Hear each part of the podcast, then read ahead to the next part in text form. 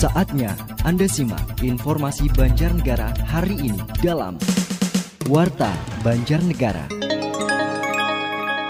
Apa kabar mitra? Inilah Radio Suara Banjarnegara kembali menghadirkan informasi aktual serta informasi penting lainnya yang terangkum dalam Warta Banjarnegara. Informasi utama kami mengenai Komisi 3 DPRD Banjarnegara soroti empat titik pembangunan yang kualitasnya rendah. Dinas PUPR ancam tidak akan bayar rekanan jika hasil pembangunan tidak sesuai spesifikasi. Berita selengkapnya disampaikan oleh Arjuna Jati. Warta Banjarnegara. Komisi 3 DPRD Banjarnegara menyoroti empat titik proyek pembangunan karena kualitasnya dinilai rendah dan terkesan asal-asalan dalam pengerjaannya. Ketua Komisi 3 DPRD Banjarnegara, Rian Aditya Wahyu mengatakan, pembangunan proyek infrastruktur yang tidak sesuai dengan spesifikasi tidak hanya ditemukan di ruas jalan Kutayasa Larangan. Komisi 3 juga menyoroti kualitas pembangunan di empat titik proyek pembangunan infrastruktur lainnya, yakni di Kecamatan Punggelan, di ruas Tanjung Tirta, Sipoh, dan Tanjung Tirta, Melaya, kemudian di Kecamatan Pandanarum, di ruas jalan Pringamba, Plorengan, dan ruas jalan Kebon Dalem, Kecamatan Bawang. Dia menyebut sebagian besar temuan ini terkait rendahnya kualitas material sehingga berdampak pada kekuatan bangunan tersebut. Pihaknya telah merekomendasikan kepada Dinas PUPR Banjarnegara untuk membongkar dan membangun kembali bangunan yang tidak sesuai spesifikasi dan bermutu rendah. Kami sempat menemukan juga di Kecamatan Bawang di pekerjaan infrastruktur di Kecamatan Bawang dan ada juga ada pekerjaan di Kecamatan Pandanarum yang emang kurang sesuai dengan spek yang ada dari Dinas DPUPR. Kalau sepengetahuan kami sama, sama di Kecamatan Bawang dan Kecamatan Madukara sama-sama satu perusahaan. Jadi terkait dengan perusahaan yang mengerjakan nanti akan Dinas DPUPR yang akan berkomunikasi. Jadi kami sebagai lembaga DPRD akan sudah memanggil dinas dan dinas akan memanggil rekanan penyedia jasa di ruas-ruas tersebut. Sementara itu, Sekdin PUPR Banjarnegara, Arkom Al-Fahmi mengaku pihaknya telah berkoordinasi dengan penyedia jasa untuk segera memperbaiki bahkan membongkar bangunan yang dinilai tidak memenuhi spesifikasi. Warta Banjarnegara. Dinas PUPR Banjarnegara mengakui berdasarkan hasil pemeriksaan proyek pembangunan diketahui ada empat titik yang tidak sesuai spesifikasi dan harus dibongkar serta diperbaiki oleh penyedia jasa. Sekretaris Dinas PUPR Banjarnegara, Arkom Al-Fahmi mengatakan dari keempat titik tersebut, satu di antaranya sepanjang 20 meter dengan tinggi sekitar 2 meter. Saat ini, pihaknya telah melakukan koordinasi dengan penyedia jasa dan konsultan pengawas perihal perbaikan bangunan talut tersebut. Pihaknya meminta penyedia jasa untuk memanfaatkan batas waktu pengerjaan yang habis pada 26 Oktober 2021 mendatang.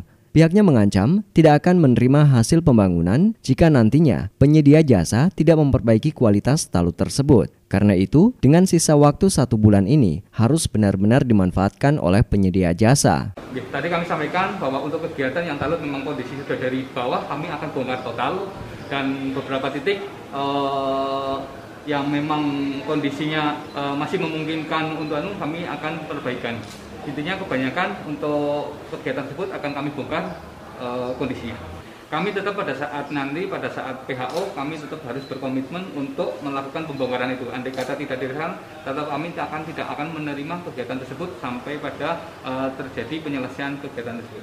Oke, karena ini masih masa dalam masa pelaksanaan sehingga kami memang uh, tetap harus berkomitmen untuk perbaikan dari penyedia jasa dan penyedia harus menindaklanjuti terhadap temuan tersebut. Sebelumnya, Komisi 3 DPRD Banjarnegara juga telah memanggil Dinas PUPR terkait temuan Komisi 3 hasil pembangunan yang dinilai tidak memenuhi spesifikasi dan terkesan asal-asalan. Warta Banjarnegara.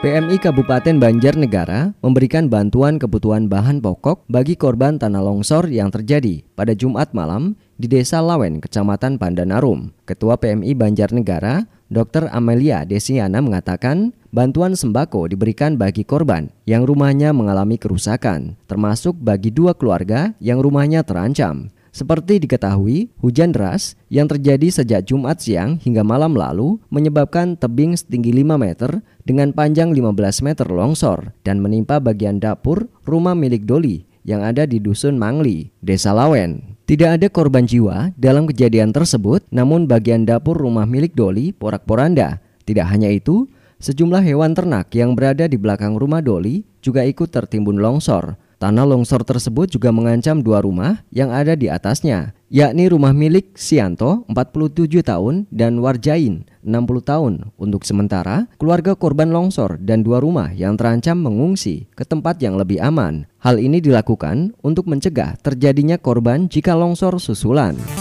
Warta Banjarnegara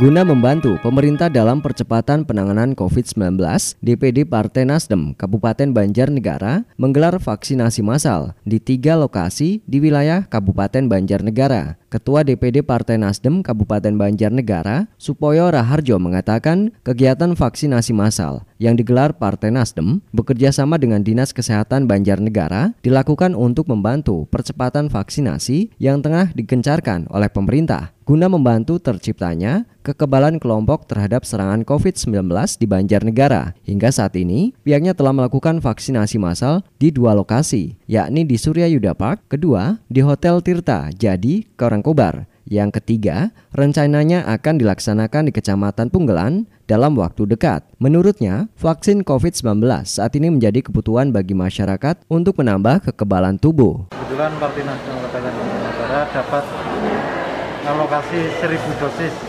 vaksin. kami yang tahap pertama diselenggarakan di Banjarnegara di Hotel Surya Kalau tidak salah kemarin 500 dosis lebih. Kemudian sisanya ini di tahap kedua di Karangkobar. Insya Allah ini kami alokasikan 250 dosis. Kemudian nanti sisanya di dapil 4 unggulan 250. Ini sebagai bentuk kepedulian Nasdem Pak? Iya, Pak. Ini komitmen Nasdem terhadap upaya pemerintah dalam mengatasi COVID-19. Menurutnya, Partai Nasdem selama ini sangat konsen terhadap penanganan COVID-19 dengan ikut membantu pemerintah dalam upaya percepatan penanganan COVID-19. Salah satunya dengan membantu percepatan vaksinasi untuk masyarakat guna meningkatkan kekebalan kelompok agar pandemi COVID-19 dapat segera berakhir. Warta Banjarnegara. Dalam sepekan terakhir, wilayah Banjarnegara sering diguyur hujan. Selain waspada akan bencana longsor, masyarakat juga diminta tetap waspada terhadap munculnya kasus demam berdarah. Sebab jentik nyamuk DBD biasa muncul setelah hujan turun. Untuk itu, masyarakat tetap diminta kembali menggiatkan bersih lingkungan sebagai upaya pemberantasan sarang nyamuk Aedes aegypti penyebar wabah DBD. Sadar akan wilayahnya yang masuk dalam endemi DBD, Warga Desa Sokaraja, Kecamatan Pagentan, kembali mengingatkan masyarakat dengan menggelar bersih lingkungan. Hal ini sebagai antisipasi munculnya wabah DBD di wilayah mereka. Kepala Desa Sokaraja, Jamhar mengatakan aksi bersih lingkungan ini dilakukan masyarakat bersama dengan tim siaga bencana desa serta Satgas, juru pemantau jentik yang ada di wilayahnya. Menurutnya, adanya tim siaga bencana berbasis masyarakat bentukan PMI Banjarnegara sangat membantu. Mereka bersama dengan masyarakat terus melakukan sosialisasi terkait pola hidup bersih dan sehat. Hal ini sangat penting sebagai upaya meningkatkan taraf hidup masyarakat dan mencegah munculnya bermacam penyakit. Warta Banjarnegara Demikian Warta Banjarnegara kali ini. Akhirnya, mewakili kerabat kerja yang bertugas, saya Arjuna Jati mengucapkan terima kasih atas kebersamaannya dan sampai jumpa.